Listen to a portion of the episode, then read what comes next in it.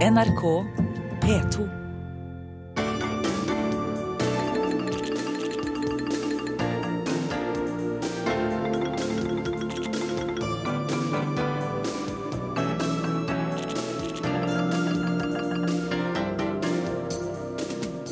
Vel møtt til årets første utgave av Verden på lørdag. Denne gang skal vi bruke hele sendingen til å se inn i krystallkula. Hvilke konfliktområder, hvilke temaer kommer til å dominere verdensnyhetene i dette året? Her i studio har jeg fått besøk av utenriksminister Børge Brende, Kate Hansen Bundt, som er generalsekretær i Den norske atlanterhavskomité, og utenrikssjef her i NRK, Knut Erik Holm. Hvis dere skal komme med en kort beskrivelse av det dere tror vil prege 2014, hva vil dere da trekke fram? Først Brende. Jeg håper jo at eh, vekstkraften er tilbake i den globale økonomien. At eh, det skapes nye arbeidsplasser. At vi ser mer inkluderende og bærekraftig økonomisk vekst. Det tror jeg er viktig for stabilitet. Men samtidig som jeg ser noe lysere på det økonomiske bildet, så ser jeg mange risikofaktorer Eh, krig, eh, konflikt. Det blir viktig hvordan både Midtøsten, Syria utvikler seg i tida fremover. Kate Hansen Bondt? Uh, ja, altså jeg tror på mange måter hvis man leter etter drivkreftene i dagens utvikling, så er det den økonomiske som vi har vært inne på her. Og det vil prege også uh, tilstanden for ikke minst Europa og det transatlantiske partnerskapet, som jeg jobber mye med. I Europa så håper jeg også at man får i gang igjen hjulene, veksten. Uten den så får man ikke arbeidsplasser, og uten arbeidsplasser så svekkes tilliten til både EU og statene. Eh, I forhold til det transatlantiske så skal man i gang med forhandlinger om en transatlantisk investerings- og partnerskapsavtale. Den kan også være med på å øke den økonomiske eh, bærekraften. Ja, jeg velger også å være optimist eh, når det gjelder deler av framtidsutsiktene, særlig når det gjelder økonomien i USA og Europa. Jeg tror den oppgangen vi ser nå, selv om den er liten enkelte steder, vil eh, kunne fortsette. Men på den annen side så er det jo, som Brende, Brende er inne på, eh, betydelig konfliktpotensial fortsatt. Vi har en krig gående i Syria, selv om det er positivt at de nå kanskje møtes til en fredskonferanse. Eh, utover det antar jeg at vi nok vil se et stadig mer selvbevisst Kina og Russland på den store globale scenen. Det første temaet vi skal til eh, mer detaljert, det er borgerkrigen i Syria. Krigshandlingene de fortsetter med full styrke. Svært mange blir drept. Millioner av mennesker er på flukt.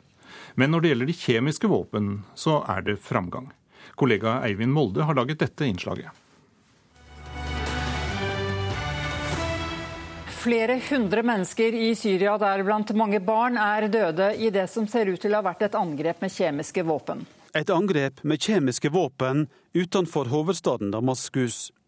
Angrepet i august gjorde det klart for alle at kjemiske våpen var en del av krigføringa. Fordømmende ord hagla mot styresmaktene i Syria. Det ble trua med en militær reaksjon. Men nå ligger skipa klare til å frakte de kjemiske våpna ut av landet. På forholdsvis kort tid har verdenssamfunnet kommet i konstruktiv dialog med den syriske regjeringa. På dette punktet, vel å merke. For ellers raser borgerkrigen som før. Nok et angrep i Syrias største by, Aleppo.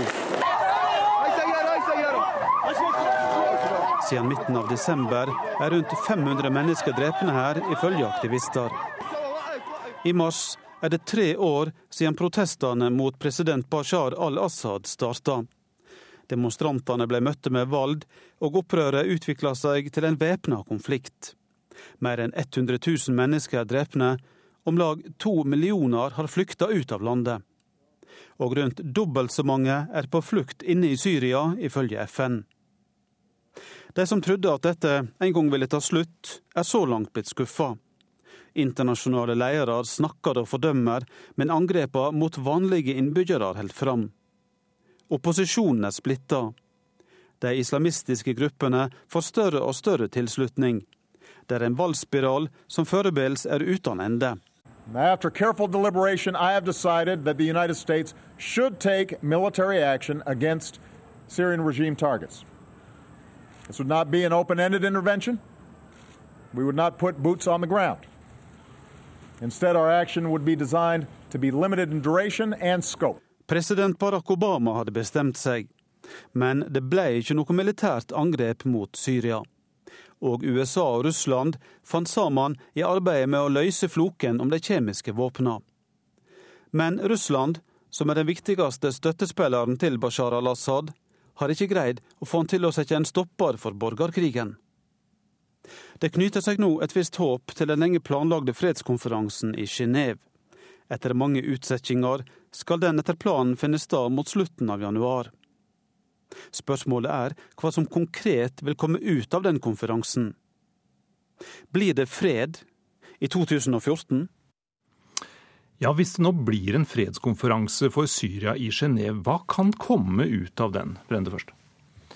Jeg håper jo at eh, den konferansen, uh, Genéve 2, som skal da finne sted i Montreux 22.1, uh, forhåpentligvis, vil da bringe disse samtalene inn på en mer konstruktiv, en konstruktivt spor. Det som er trist, er jo at FNs sikkerhetsråd ikke har greid å blitt enige om et, en resolusjon tidligere Eh, som da setter ting på plass eh, i Syria. Syria har gått fra å være et mellominntektsland til et land med full borgerkrig, og nå er det en humanitær katastrofe. Det viser også hvor raskt et land eh, kan endre seg hvis det først blir krig og konflikt. Det jeg håper kan komme ut av konferansen, hvis den finner sted, er for det første at det blir en bred enighet om humanitær tilgang. Det står masse humanitær hjelp Eh, i nabolandene som kan komme inn, også helsepersonell, medisiner, vann, mat, som ikke slipper inn fordi det er for stor risiko knytta til å ta det inn, og det blir stoppa. Punkt to, så håper jeg at det kan være, eh, bli enighet om en fremtidig eh, samlingsregjering hvor moderate krefter kan bli en del. Dette tror jeg sitter langt inne, men dette er også spørsmål om Assads fremtid. Og der er det jo faste medlemmer av Sikkerhetsrådet som da i så fall må endre Eh, sin holdning. Og så er det viktig for oss at hvis eh, det skulle komme i gang en reell politisk prosess, for dette må løses politisk, så må den også innebære at eh, syriske kvinner og sivile samfunn blir tatt med. Ja, jeg tror også at det, altså det, det, beste man kan si om dette, eller det viktigste man kan si om dette, er at Eh, det vil være en liten suksess hvis den konferansen kommer i, i, gang eh, med deltakere som har et mandat og som representerer noen. Fordi det er jo slett ikke sikkert at eh, sentrale aktører på opprørssiden vil delta. De har jo varslet at flere av dem at de vil boikotte, og de stiller sterke krav til, til, motparten. Som Brende sier, så, så forventer de av, på opprørssiden som sier at de vil delta, Eh, opprettelsen av en, en, slags humanitær korridor inn til eh, de verste kampområdene i Syria, det kan kanskje være et eh, lite første skritt, et tillitsskapende tiltak. Jeg tror at avstanden mellom partene i denne krigen er så stor at vi er nødt til å, å, å se på de lyspunktene som finnes, men også se at dette kommer til å ta lang tid. Og jeg tror ikke, dessverre, på at vi får til noen slags eller, plan for en overgangsregjering i denne omgang. Men kanskje eh, ved senere eh, anledninger, senere konferanser, hvis det skjer. Eh, er det ikke noe håp om at eh, stormaktene kan gripe mer aktivt inn i denne konflikten? Jeg tror at hvis man både ser til USA og europeiske stormakter, så er det en veldig tretthet ved å bruke militære midler for å løse denne type konflikter, hvor motpartene er altså Det er så uoversiktlig og brokete bilde blant motparten til Assad-regimet. Eh, det betyr jo ikke at man godkjenner at man går god for det som har skjedd i Syria de siste tre årene. Men det er verken penger eller vilje til å bruke militære midler. Så får man til en Genéve 2-konferanse, så er jo det en seier for diplomatiets løsninger. Denne konflikten i Syria, hvordan eh, vil den nå påvirke resten av situasjonen i Midtøsten? Den eh, har allerede eh, påvirka eh, ganske kraftig. Har jo fått eh, store konsekvenser for eh, nabolandene. Eh, Jordan er, kan jo potensielt bli destabilisert med 600 000 syriske flyktninger. Vi vet jo at Libanon er allerede svært destabilisert og står jo i fare for å kunne få ytterligere væpna konflikter i da i Libanon, med én millioner syriske flyktninger også i nord, om de fleste av de sunni. Tyrkia har sine utfordringer. Tyrkia er jo i ferd med å endre litt prioriteringer i forbindelse med også Syria. Det jeg vil si da når det gjelder Syria, er at det er forferdelig trist at FN og Sikkerhetsrådet ikke har greid å blitt enige om en løsning tidligere som innebar en overgangsregjering. For de humanitære kostnadene er helt ubeskrivelige. Og jeg tror dette kommer til å bli et veldig trist eh, kapittel uh, når man skal skrive uh, historien. Dette har rett og slett vært faste medlemmer av Sikkerhetsrådet som har abdisert når det gjelder å ta et humanitært ansvar. Det er en av de få positive tingene man nå ser, er jo det som denne reportasjen ble innleda med. At det virker som vi nå kan få ut, eh, og vi vil få ut, disse kjemiske våpnene. Slik at man kan iallfall være sikker på at kjemiske våpen ikke blir brukt mot sivilbefolkninga i Syria i fremtida. Så der har jo den sikkerhetsrådsresolusjonen 2118 eh, hatt en funksjon, men vi burde hatt flere sikkerhetsrådsresolusjoner, bl.a. på humanitær tilgang og eh, på å finne en politisk løsning for Syria. Eh, en utfordring for eh, ledere, også i Vesten, vil jo fortsatt være hvordan de skal håndtere et framtidig Syria. Kanskje vi vil se stadig flere som åpent går ut og sier at alternativet til Assad er så mye verre at det kanskje er greit at han blir sittende i en eller annen form. Fordi opprørsbevegelsen, som jeg sier, altså opprørsbevegelsene er så splittet internt og representerer verdier som vi slett ikke vil ha noe mye å gjøre. Så jeg tror nok at også den siden av saken som har forandret seg ganske betydelig det siste året, eh, vil gjøre det mye vanskeligere for politiske ledere i Vesten å håndtere dette. Nå til eh, USA. President Barack Obama har lagt bak seg et vanskelig år med harde politiske konflikter innad i landet. Men han har stor tro på at dette året skal bli bedre.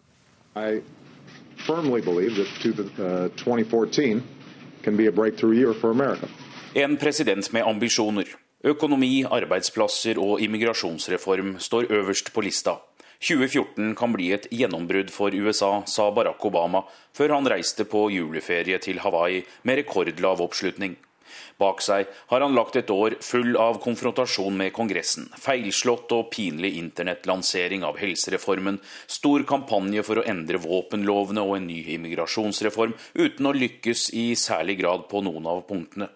Men 2014 skal bli året for handling. I think 2014 needs to be a year of. Uh,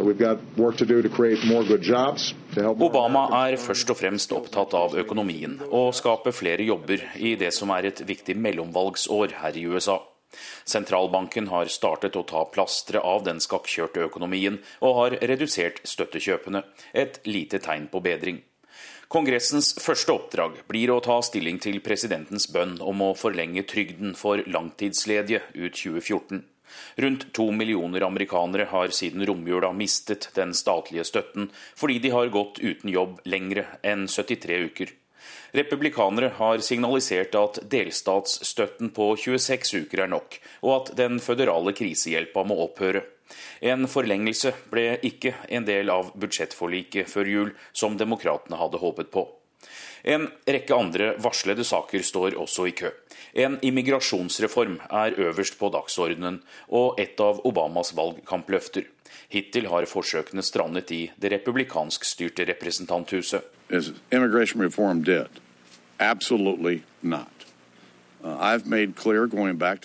Representanthusets leder, republikaneren John Bainer, har vært imot en omfattende immigrasjonsreform, og har ikke tatt Senatets forslag opp til votering men sier at arbeidet langt fra er dødt. Komiteene jobber for å finne en fornuftig løsning for å trinnvis adressere spørsmålet, sier Bainer. President Obama skal også ta stilling til spionering og overvåkning. Et panel har gitt ham 46 anbefalinger om endringer og innstramninger i etterretningsorganet NSAs praksis. Avsløringene i fjor sommer fikk flere statsledere til å koke. Ofte fokuserer amerikanske presidenter på internasjonale spørsmål i sin andre og siste periode. Midtøsten-forhandlingene mellom Israel og palestinerne tar mye av oppmerksomheten, og USAs krig i Afghanistan skal etter planen avsluttes i 2014. Men i offentligheten er det samtalene med Iran som bekymrer folkevalgte. Kongressen truer med å stramme til sanksjonene mens samtalene pågår, noe Det hvite hus mener kan spolere arbeidet med en diplomatisk løsning. Nord-Korea, Sør-Sudan og Syria er naturlig nok på radaren. Men det ligger ikke an til politisk kamp her i byen om utenrikspolitikken generelt. Presidentens agenda styres i stor grad av begivenhetene på bakken, og han huskes fortsatt for å ha vinglet, eller vært uten klar politikk, overfor regimet i Damaskus. Men et klart signal har Obama sendt på starten av året.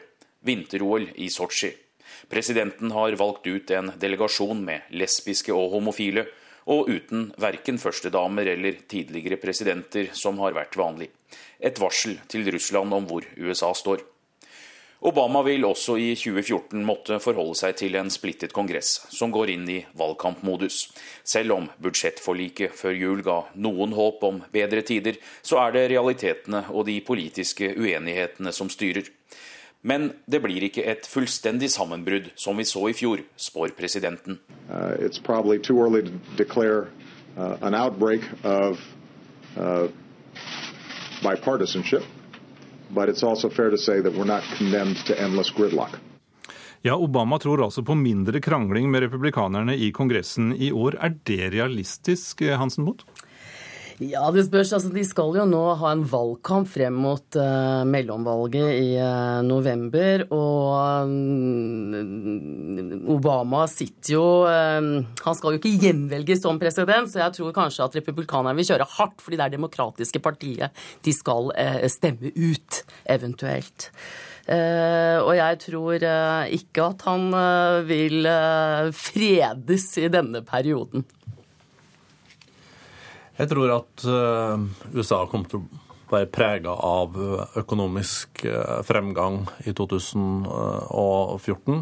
Og det Obama blir bedømt på eh, når presidentperioden er ferdig, er jo om han har fått orden på amerikansk økonomi. Han overtok like etter at Lehman Brothers gikk konkurs. Ekstremt stor arbeidsledighet, verste økonomiske krisa siden 30-tallet. Bankene i USA er mer solide enn de europeiske bankene nå. Vekstkraften er tilbake i økonomien. Arbeidsledigheten er på vei ned. Så hvis Obama greier å videreføre dette, i tillegg til at USA plutselig da har fått også denne nye energien knytta til eh, da skifergass, altså ukonvensjonell eh, energi, som gjør at innen 2030 blir selvberga, eh, så har det også styrka produksjonen i USA. Slik at hvis økonomien kommer i orden, hvis han lykkes med å få også de fleste amerikanske eh, soldatene eh, ut av Afghanistan, han er ute av uh, Irak, så tror jeg det kommer til å prege også Obamas popularitet i løpet av året. Det er helt på det ene at valgkampen som nå kommer i gang, mellomvalget til Kongressen, vil skjerpe motsetninger. Det gjør jo alle valgkamper. I tillegg så kan det jo tenkes at deler av det republikanske partiet vil se at de ikke er tjent med å føre det som ble oppfattet som en destruktiv politikk overfor eh, Obama. Eh, at, man, at det er en stemning som vil bre seg i, i det partiet. Eh, Bainer har jo allerede, han sa jo dette kuttet som vi hørte i innslaget, at det er ikke sånn at hele partiet hans er imot immigrasjonsreform, men de vil gjøre det på en litt annen måte og mer trinnvis. I tillegg så peker altså en del av de økonomiske pilene oppover, og det er jo viktig når amerikanerne skal forholde seg til hva de syns om presidenten.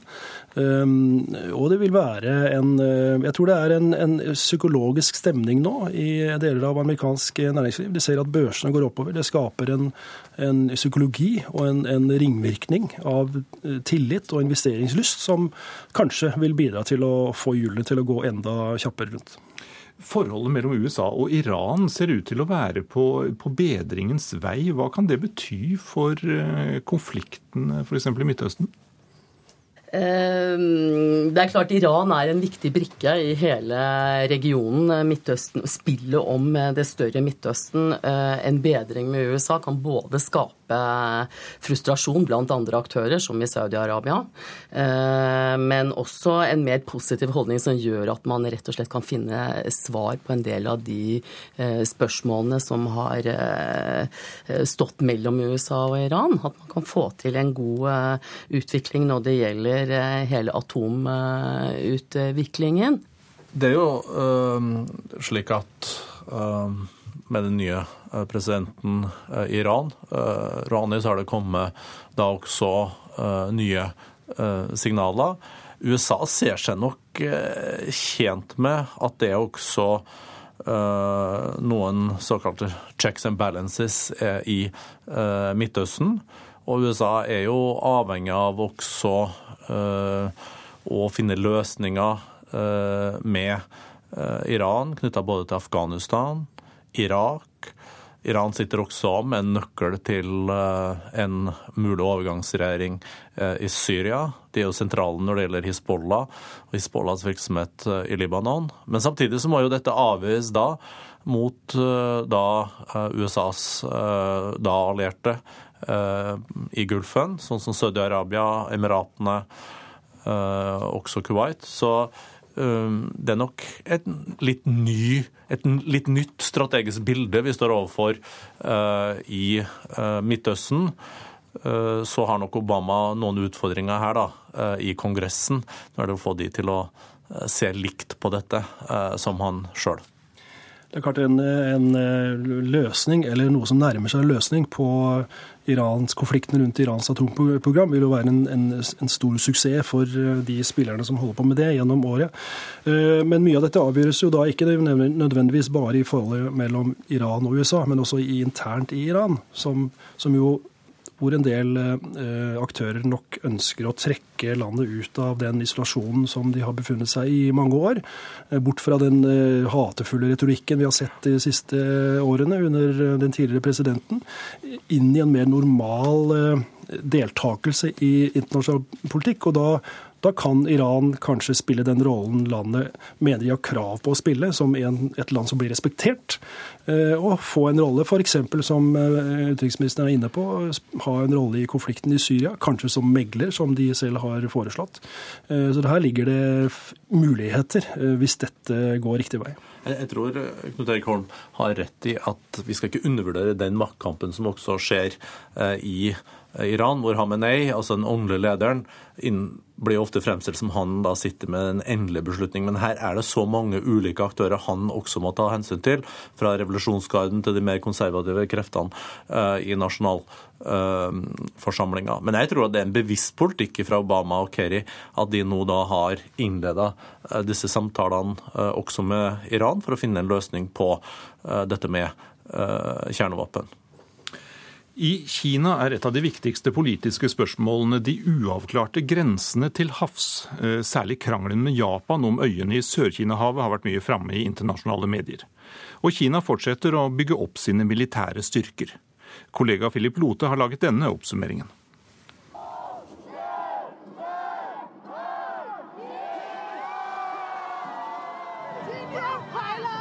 Kinyen Kwaila, godt nytt år på standard mandarin. Unge kinesere tok imot det nye året på den kinesiske mur i festhatter pyntet med blinkende lykter og 2014 i store lilla og røde tall.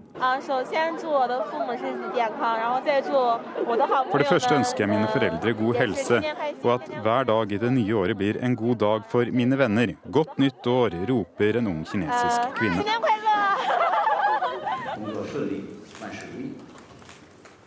Vi kan alle få uventede oppdrag, og for talsmannen i kinesisk UD startet året med ett av disse. Qin Gang måtte 1.1 kommentere at en ballongfarer hadde flydd inn og landet like ved øyene i Øst-Kina-havet som både Kina og Japan gjør krav på. Kinesiske myndigheter valgte å kalle mannen luftballongentusiast.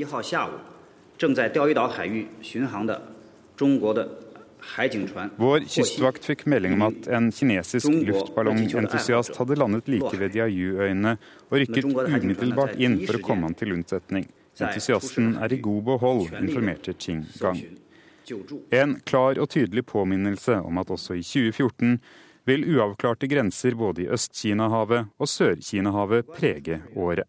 Men også det at kommunistpartiet ligger i en skarp konkurranse med egne nasjonalistiske borgere i det å hevde Kinas interesser.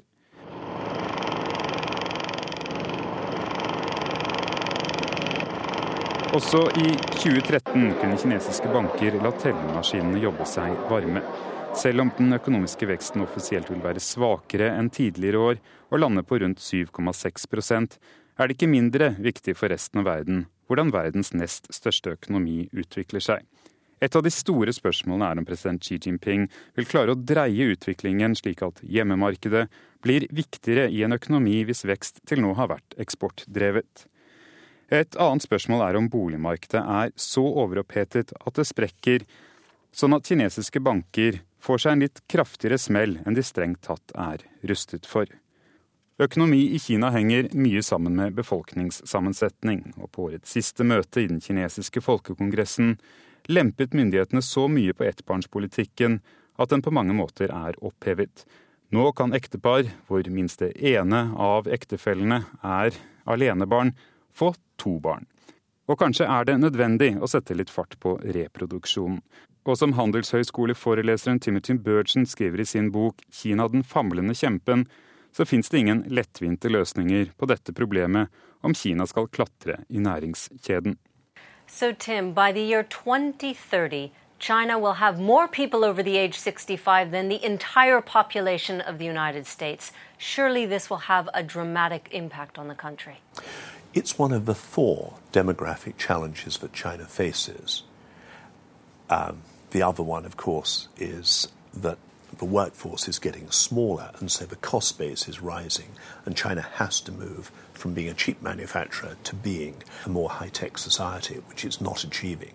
Også til slutt mannen ved roret. Kinas nye leder, formann i kommunistpartiet og president Xi Jinping. Han virker viljesterk og til stede. Han overskygger til en viss grad sin statsminister Li Keqiang. I alt fra kampanjer mot korrupsjon til møter med vanlige borgere virker han interessert i å gjøre mer av arbeidet på bakken, arbeid som hans forgjengere i den interne arbeidsdelingen overlot til sin statsminister. Hvis vi først skal se på grensekonfliktene mellom Kina og naboland eh, til havs, hva kan eh, disse konfliktene føre til? Jeg tror um, at det mest kompliserte det vi nå ser uh, i Øst-Kina-havet. Uh, dette dreier seg også om konflikter mellom Japan uh, og Kina, og kan dessverre raskt eskalere. Så det må håndteres klokt på politisk nivå. Når det gjelder Sør-Kina-havet, så er det jo mange ulike aktører inne der. Vietnam og Filippinene også. Og der tror jeg nok at eh, Kina vil balansere dette meget forsiktig fremover. Men vi må jo ikke glemme det som Lee Kuan Yew, Singapores 90-årige leder, skriver i sin siste bok, at på mandarin så betyr Kina midtens rike.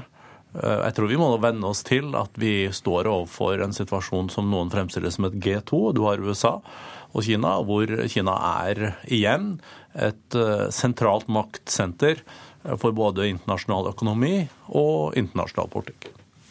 Men også for Kina så betyr jo utviklingen på det økonomiske området mest. Kommer de til å fortsette å vokse? Eh, og det er jo indre spenninger i Kina som tilsier at det kanskje ikke vil få den eh, veksten i året som kommer, som de har hatt eh, i en lang periode.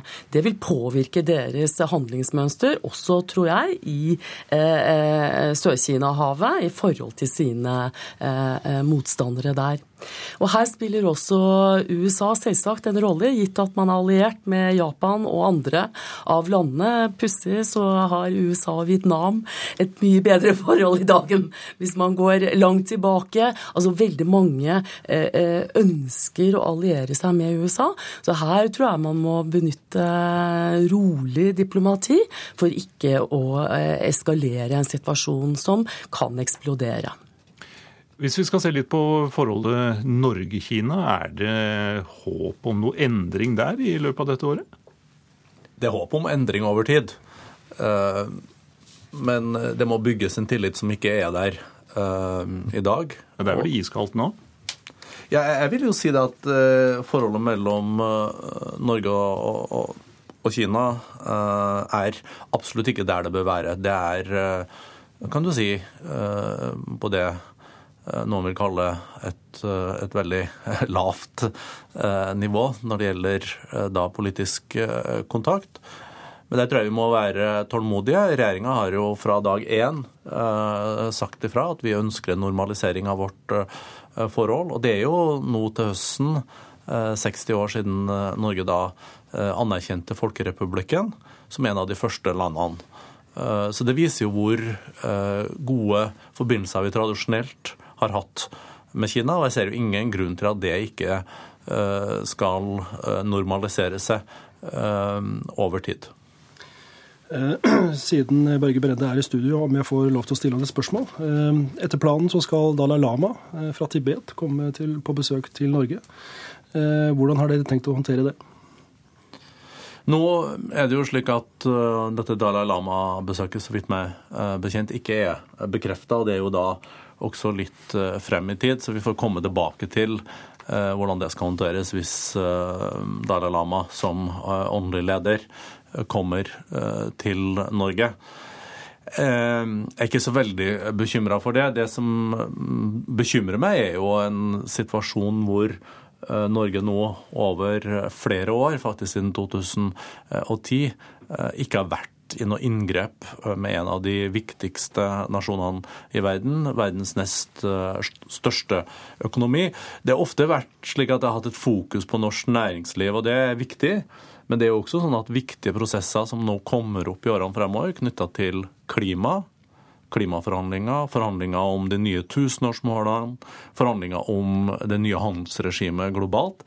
Hvis Norge er i en situasjon hvor vi da ikke har uh, de normale politiske kontaktene uh, med Kina, så har vi heller ikke en inngrep på den måten som vi da skulle ønske. Så jeg, tror Norge må se dette i en bredere Eh, sammenheng, eh, og også knytta til de ambisjonene som Norge har eh, når det gjelder å spille en konstruktiv rolle i prosesser som ikke bare angår oss sjøl og, norsk næringsliv, men som også i fred og forsoning i ulike steder i verden.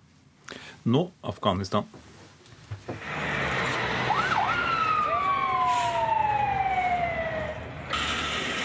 I romjula var det nye bombeaksjoner i Kabul, og tre utenlandske soldater mistet livet.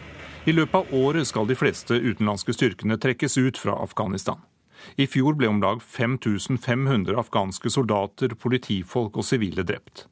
Dette tallet er betydelig høyere enn året før, selv om det var en klar nedgang i antallet drepte utenlandske soldater. Er det Taliban som kommer til å vinne på lengre sikt eh, i Afghanistan? Det er det selvfølgelig vanskelig å spå om, for å si det sånn. Eh, akkurat nå er det et eh, ytterst uavklart eh, bilde som avtegner seg. Vi har, vi har en, altså Taliban er jo flere grupper som opererer ulike steder. Vi har en regjerings, sentralregjering som er ganske svak. Et afghansk forsvar som vi ikke helt kjenner styrken til, etter at de har blitt lært opp av vestlige kolleger i årevis. Og så har vi politiske problemer innad i, i, den afghanske eh, regjeringen. Så Eh, og så vet jo alle at de aller fleste vestlige soldatene skal ut av landet innen eh, neste år. Noen vil jo bli stående igjen eh, hvis det går slik f.eks. amerikanerne vil, med sitt forslag om en sikkerhetsavtale med, med landet. Eh, at Taliban vil eh, få betydelig innflytelse, som de allerede har, over store deler av Afghanistan, det tror jeg er ganske sikkert. Eh, kanskje vi vil se en slags ja, om ikke altså en slags deling av land i ulike territorier, kanskje, hvor Taliban får, en, får ha en viss innflytelse. Men det har jo, har jo vært visse kontakter på lavere nivå mellom Taliban og, og andre instanser, så kanskje det er en vei å gå. Det har altså blitt brukt flere tusen milliarder kroner eh, fra vestlig side i dette landet over en del år. Er det bortkasta? Det er ikke bortkastet. Eh, man skal ikke glemme hva man responderte på. Det var altså eh, Twin Tower og 11. september som eh, avstedkom en, en operasjon i Afghanistan. Den har kanskje vart for lenge, synes noen. Den har kostet for mye uten å gi for, noe særlig tilbake i forhold til hva man har betalt. Eh, men Afghanistan var et av verdens fattigste land når Nato og USA kom dit, og er fortsatt det. Og det er indre problemer som på mange måter vil avgjøre om Afghanistan eh, vil klare seg fremover. Det er etniske uenigheter, eh, det er gamle krigsherrer som dukker opp igjen. Det er jo ikke bare Taliban, som det ble sagt der, er jo ikke en enhetlig eh, gruppe. Og mye vil avgjøres om man klarer å få en økonomi i gang som gjør at folk får brød på bordet. Brenne. Vi må ikke glemme eh, også de eh, positive eh, resultatene, spesielt da f.eks. knytta til utdanning og helse. Det at afghanske jenter nå kan gå på skole, helsesituasjon, vaksinasjon skjer i stort omfang. Men det kommer til å bli en veldig vanskelig situasjon i årene fremover. Eh, selv med en bilateral sikkerhetsavtale mellom USA eh, og Afghanistan om påfølgende da forståelse f.eks. med Nato knytta til Resolute Support, så vil jo det være snakk om langt, langt færre internasjonale aktører i Afghanistan sammenligna med ISAF i dag. Og så er det jo sånn at det er også potensielle rivninger i uh, Afghanistan. Én ting er jo hvordan man håndterer uh, Taliban, men vi vet jo at pashtunere kanskje da utgjør halvparten av Afghanistans befolkning. Man kan jo ikke lage og utforme løsninger uten at den andre halvparten er med også. slik at her ligger det veldig mange eh, utfordringer, og det er avhengig av at også nabolandene opptrer konstruktivt her. Både Pakistan, India, Iran, for å nevne noen. Nå skal vi litt nærmere vårt eget land. I Europa vil nok økonomisk krise og arbeidsledighet være viktige stikkord også dette året. Men det er noen tegn til bedre tider.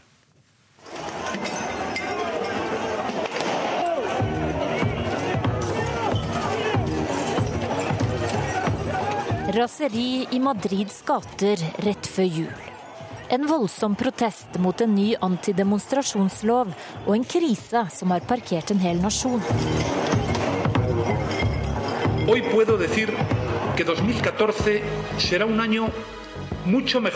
Likevel kunne statsminister Mariano Rajoy servere et glimt av håp i romjulen. I 2014 vil flere spanjoler være i jobb, lovte han. Veksten er kommet tilbake til Spania. Sakte har eurosonen karret seg ut av nedgangstidene, men fortsatt står utfordringene i kø inn i 2014.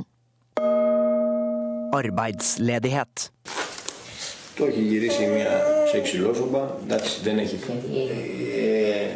Han har sju barn, sju munner å mette. Men både Georg Gonosepetsis og kona fra Hellas er uten jobb. Den lille grønnsaksbutikken deres gikk konkurs for to år siden.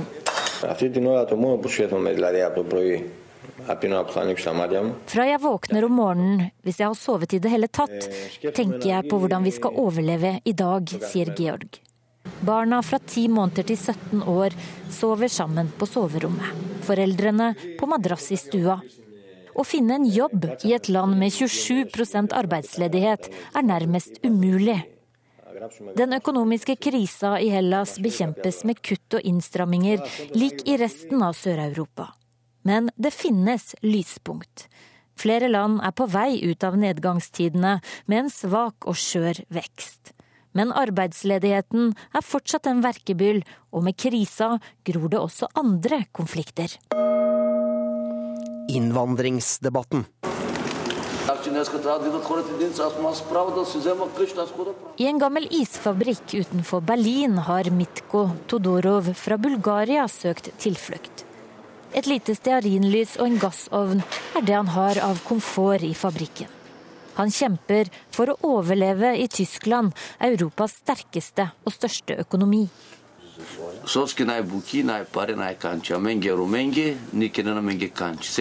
Jeg dro fra Bulgaria fordi det bare er arbeid for bulgarere der, og ingenting for romfolk.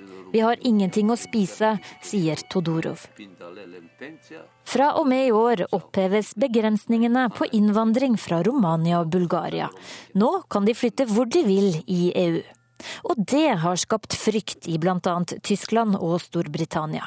I Storbritannia har statsminister David Cameron advart mot store folkevandringer som følge av skjevheter i velferd. Ja, vi har ja i Deutschland i bestemte berufen en mangel an Fachkräften. Insofern haben i Tyskland trenger vi faglærte arbeidere. Folk med kvalifikasjoner kan lett finne en jobb, men det kommer også mange uten kvalifikasjoner, og vi venter mange flere av dem i tiden fremover, sier Paul Epsen ved Tysklands statlige arbeidskontor. Og innvandringen kan gi grobunn for høyreradikale partier og en annen konfliktlinje i europeisk politikk. Høyreradikale på fremmarsj. En dag i november sto to av Europas mest kontroversielle skikkelser sammen på podiet. Høyreradikale Gert Wilders fra Nederland og hans meningsfelle Marine Le Pen fra Frankrike.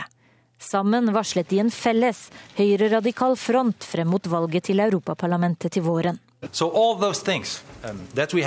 in common are in order to liberate Europe from the monster of Brussels. And this is why Alt det vi har til felles, gjør at vi må forene oss for å frigjøre folk fra monsteret i Brussel, sa Gert Wilders. Uh,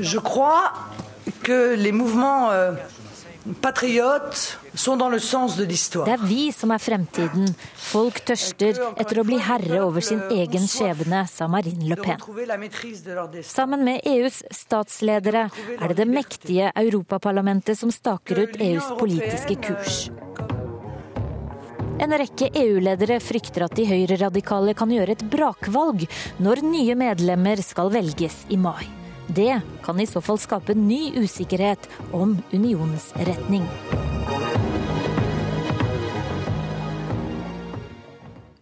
Hege Mo Eriksen hadde laget dette innslaget. Og de høyreradikales frammarsj, hva kan det komme til å bety i Europa? Det blir nok mye virak frem mot EUs eh, e parlamentsvalg som skal avholdes i mai, og de kan komme til å ta mellom 30 og 40% av stemmene. Eh, jo færre som eh, går til valgurnene, det har tradisjonelt vært ganske få som har stemt. For forrige valg så var det 48% så kan de ta enda mer av oppslutningen. Og dette er et parlament som har økt sin innflytelse på innsiden av EU de senere årene. Men jeg man skal ikke glemme at EU på mange måter er ikke noe mål i seg selv. EU er et middel til økonomisk utvikling, fred og stabilitet i Europa. Og Så lenge ikke på en måte EU klarer å levere det til store deler av den europeiske befolkningen, eh, så får man denne type reaksjoner. Og da må man mobilisere på den andre siden. Det vi har eh, sett og hørt her nå, er jo et resultat av eh, den veldig vanskelige økonomiske situasjonen Europa og EU har vært uh, gjennom, med 50% ungdomsarbeidsledighet f.eks. i Spania uh, og uh, i Portugal. Nå snur jo ting i EU, heldigvis. Vi ser jo nå at Storbritannia har den høyeste økonomiske veksten i hele Europa, som var dømt Norden-om og ned for et år siden. Irland er friskmeldt. Vi ser de baltiske landene Eh, har nå eh, høy eh, økonomisk vekst. Slik at dette med de mer ytterliggående politiske kreftene blir deres, de blir svekka når det igjen begynner å skapes arbeidsplasser og økonomisk fremgang i EU. Og vi må ikke glemme at for en par år siden så var jo hele euroen dømt nordnom og ned. Euroen kommer jo ikke til å bestå. Eh, og Det er jo ingen som setter spørsmålstegn med euroens eh, fremtid nå. Det må reformer til. Bankene må fortsatt eh, reformeres i Europa. Utfordringa blir om man greier å skape en økonomisk vekst som også skaper arbeidsplasser. Ja, Når det gjelder euroen, så ser vi jo også at et land som Latvia faktisk har meldt seg inn i eurosamarbeidet. Og det er jo selvfølgelig en propagandaseier for, for dette monsteret i Brussel som Egemo Eriksen snakket om. Selv om det er jo veldig omstridt denne beslutningen i, også i Latvia, som vi vet. Men tilbake til spørsmålet, så er jo når det gjelder framveksten av høyreradikale, de har jo det har jo ligget latent en, en, stund. Eh, dette er jo folk som har, uansett hva man måtte mene om dem, eh, har kanskje rimelig enkle løsninger på de kompliserte politiske problemene som Europa står overfor, både når det gjelder arbeidsløshet, men også når det gjelder innvandring. Men like fullt så må de tas på det ytterste alvor. Men de er da også i stand til å delta i den politiske prosessen ved at de kan la seg velge inn i et parlament. Så det er også en side ved EU-samarbeidet. Så skal vi bevege oss eh, litt østover уверенно, жестко и последовательно продолжим борьбу с террористами до полного их уничтожения. I sin nyttårstale sa Russlands president Vladimir Putin at russiske myndigheter skal bekjempe terrorister på en hard og konsekvent måte helt til de tilintetgjøres. Og terrorangrepene som vi nylig så i Volgograd, hvor alvorlige er de for stabiliteten i Russland? Man skal ta på alvor eh, det som nå skjer i Nord-Kaukasus og i Volgograd. Men dette er jo også i oppløpet til eh, da eh, OL. Jeg vil tro at den russiske stat har rimelig kontroll når det gjelder sikkerhetssituasjonen innenfor sine grenser. Men det er jo slik at Russland eh, generelt er i en brytningstid. De baserer jo sin økonomi på en uh, veldig høy oljepris. Budsjettet går opp med en oljepris på rundt 105 dollar fatet. Vi vet jo ikke hvordan oljeprisen vil utvikle seg i løpet av året. Og hvis det er slik at også i tida fremover at den russiske staten må begynne å kutte i budsjettene til pensjonister og til velferd, så tror jeg at eh, man står overfor større utfordringer. Og da tror jeg også at eh, den generelle tilfredsheten eh, ikke minst rundt omkring i, de, om, altså i, i distriktene i, Russland. Der kan det bli en del misnøye. Vi har jo også sett eh, store uroligheter i Russlands naboland, altså Ukraina. Eh, der slites man mellom om man vil gå til Europa, til EU, eller om man vil knytte seg nærmere Russland. Eh, hvordan tror dere det vil gå i, dette året? Eh, jeg tror at eh, både Ukraina og andre deler av det tidligere Sovjetunionen, som ligger mellom øst og vest, vil slites fordi de har en befolkning som også er delt rent etnisk. Eh, og i stor grad vil det avgjøres av hvem som kan levere noe økonomisk på både økonomisk sosial utvikling i disse landene. Russland har jo ønsket å knytte Ukraina tettere til seg gjennom en, en handelsavtale gjennom et større eh, økonomisk samarbeid og kan gi inntil videre billige gasspriser, kan gi på noen områder hvor Ukraina kan tjene, mens EU kanskje har tatt det litt for gitt at Ukraina ville gå vestover. Men her slites landene, og det ser vi på mange måter i hele denne ytre delen av det gamle Sovjetunionen. Eh, Ukraina er jo en del av det spillet som eh, Vladimir Putin spiller. Eh, vi ser tydelig det. Det var nok veldig viktig for han å beholde Ukraina i den russiske folden, for man kan si det slik. Jeg tror det ville vært et stort prestisjenederlag, og også et politisk nederlag, hvis eh, Ukraina hadde gått tydelig en annen vei. Eh, men nå er jo eh, forholdene i landet Ukraina veldig komplisert, som vi vet. Det er jo ikke sånn at man er enten for eller mot det ene eller det andre. Så vi har nok ikke ennå sett slutten på, på den historien, vil jeg tro.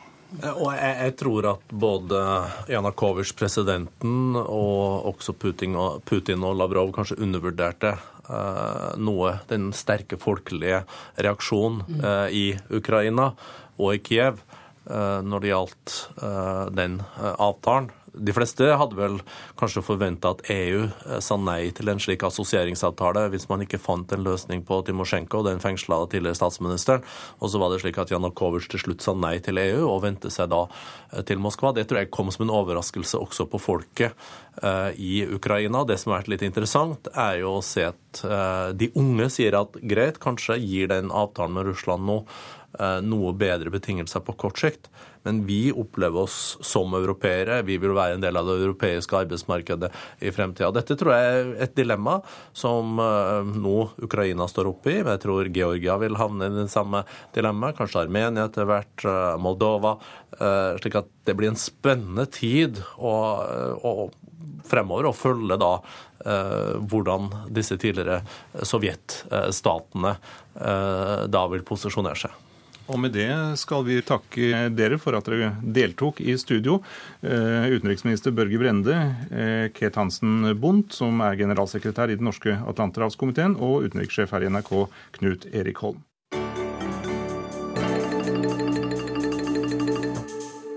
Korrespondentbrevet er i dag ved Lars Sigurd Sunnanå, og han runder nå av sin periode i Afrika. Det ble ikke den avskjeden med Kenya som jeg hadde ønsket meg. Men etter tre og et halvt år i Nairobi som NRKs Afrikakorrespondent var det vel min tur også.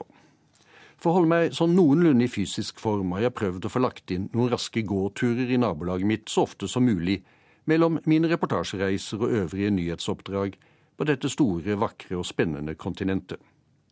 Bakkekontakten og synet av praktfulle trær og blomster underveis har gjort det til en sann velsignelse å tråle gatene, der det ene leilighetskomplekset etter det andre har skutt i været, med priser på husværene som er så høye at vanlige kenyanere ikke engang tør drømme om å få råd til å flytte inn i dem. Stadig nye kontorbygninger er også kommet opp langs ruten min, og japanske og kinesiske firmaer har sørget for en markant opprustning av ellers kronglete veier, gatekryss og gjennomfartsårer. Den økonomiske veksten som de fleste land i Afrika opplever, setter sine spor også i Kenyas hovedstad. Selvfølgelig har jeg vært klar over at det ikke alltid er trygt å ferdes til fots som hvit mann i Nairobi. Flere av de store internasjonale hjelpeorganisasjonene som har sine kontorer her, fraråder, noen til og med forbyr av sikkerhetsgrunner, sine ikke-kenyanske medarbeidere å gå fra sted til sted, uansett når på døgnet det er. De skal enten kjøre selv eller kjøres. Etter mørkets frembrudd har jeg selv ikke tatt mange skrittene utendørs i Nairobi men i fullt dagslys har jeg regnet med at risikoen for å bli robbet var relativt liten, iallfall i mitt tilsynelatende trygge nabolag. Så jeg har gått og kost meg gatelangs i ledige stunder. I sommer fikk jeg riktignok en klar vekker da et norsk ektepar ble ranet midt på lyse dagen av tre ungdommer på en motorsykkel like ved et barnehjem i nærheten av der jeg bor. Ekteparet hadde vært i Nairobi i lengre tid for å få en adoptert sønn med seg hjem til Norge. De hadde en femåring fra før, og da begge barna fikk rettet en pistol mot seg, var det bare for foreldrene å gi fra seg det de hadde av verdier, før de tre på motorsykkelen var fornøyd med utbyttet og forsvant rundt et gatehjørne. Jeg fortalte om tildragelsen i et korrespondentbrev i slutten av juli i fjor, men regnet liksom ikke med at det også skulle bli min tur til å bli utsatt for de samme ungdommene. Men det ble det, på tampen av min korrespondentgjerning. Jeg så motorsykkelen men de tre kom imot meg og passere da jeg langet ut i en stille sidegate en søndag formiddag. Men det slo meg ikke at det kunne være de samme som jeg hadde fortalt om i korrespondentbrevet noen måneder tidligere. Ikke før et par minutter senere. Da hadde ungdommene på motorsykkelen snudd og kommet opp på siden av meg. En av dem rettet så en pistol mot tinningen min og ba om mobiltelefonen som jeg bar i hånden. I lommen hadde jeg 1000 kenyanske skilling, rundt 70 norske kroner, og han fikk dem også.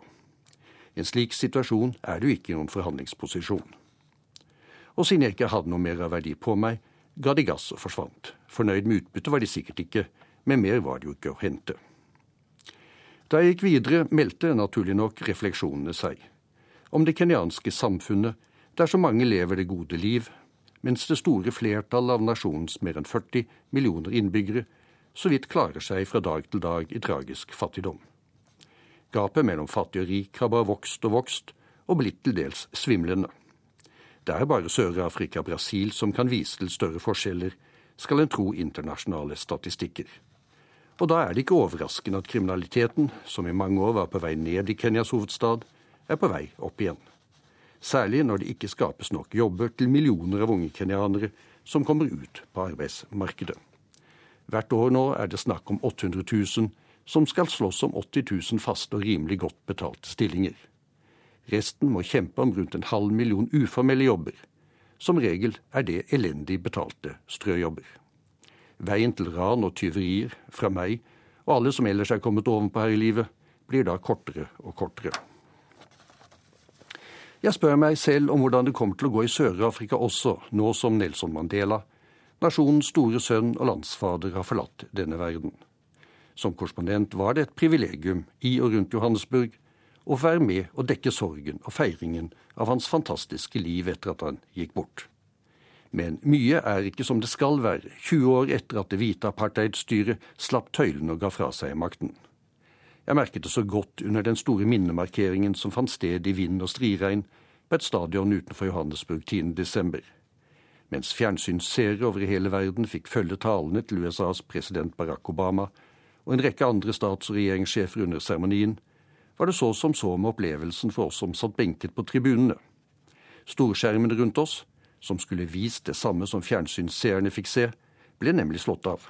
Årsaken var at fjernsynsoverføringen jevnlig viste innkuttbilder av Sør-Afrikas president Jacob Zuma. Og da han dukket opp på storskjermene inne på stadionet, kom pipekonsertene som rene stormkast fra de rundt 50 000 sørafrikanerne som var samlet for å ta del i denne historiske minnemarkeringen. For arrangørene ble det derfor best å stenge av storskjermene. Det hele var blitt pinlig nok som det var for Jakob Suma, som bl.a. skal ha brukt store offentlige midler til å bygge svømmebasseng og et privat palass i landsbyen sin på landsbygda. Presidentens anlegg, som har gjort sørafrikanerne så forarget, står i skrikende kontrast til bydelene og lokalsamfunnene der de fattigste av landets innbyggere kjemper for å overleve. Mange av tomtskipene, som de kalles, har arbeidsledighet blant ungdommen opp mot 90% og narkotikaen flyter fritt. Under opphold i Sør-Afrika ble et besøk i Eldorado Park utenfor Johannesburg den siste fjernsynsreportasjen jeg signerte som korrespondent. Et lokalsamfunn med 250 000 innbyggere, og der rundt halvparten av ungdommene var hektet på stoff. Og der hvert annet skolebarn som vokser opp, ligger an til å lide samme skjebne. Men jeg vil savne Afrika og Nairobi. Mine mange afrikanske venner. Varmen, gjestfriheten, optimismen og den uoppslitelige humoren som slår igjennom overalt. Selv om elendigheten kan være aldri så mistrøstig, sett med norske øyne. Det var Lars Sigurd Sunnanå som hadde skrevet korrespondentbrevet i dag. Denne utgaven av eh, Verden på lørdag er slutt. Teknisk ansvarlig var Beate Haugtrø. Her i studio, Jan Espen Kruse.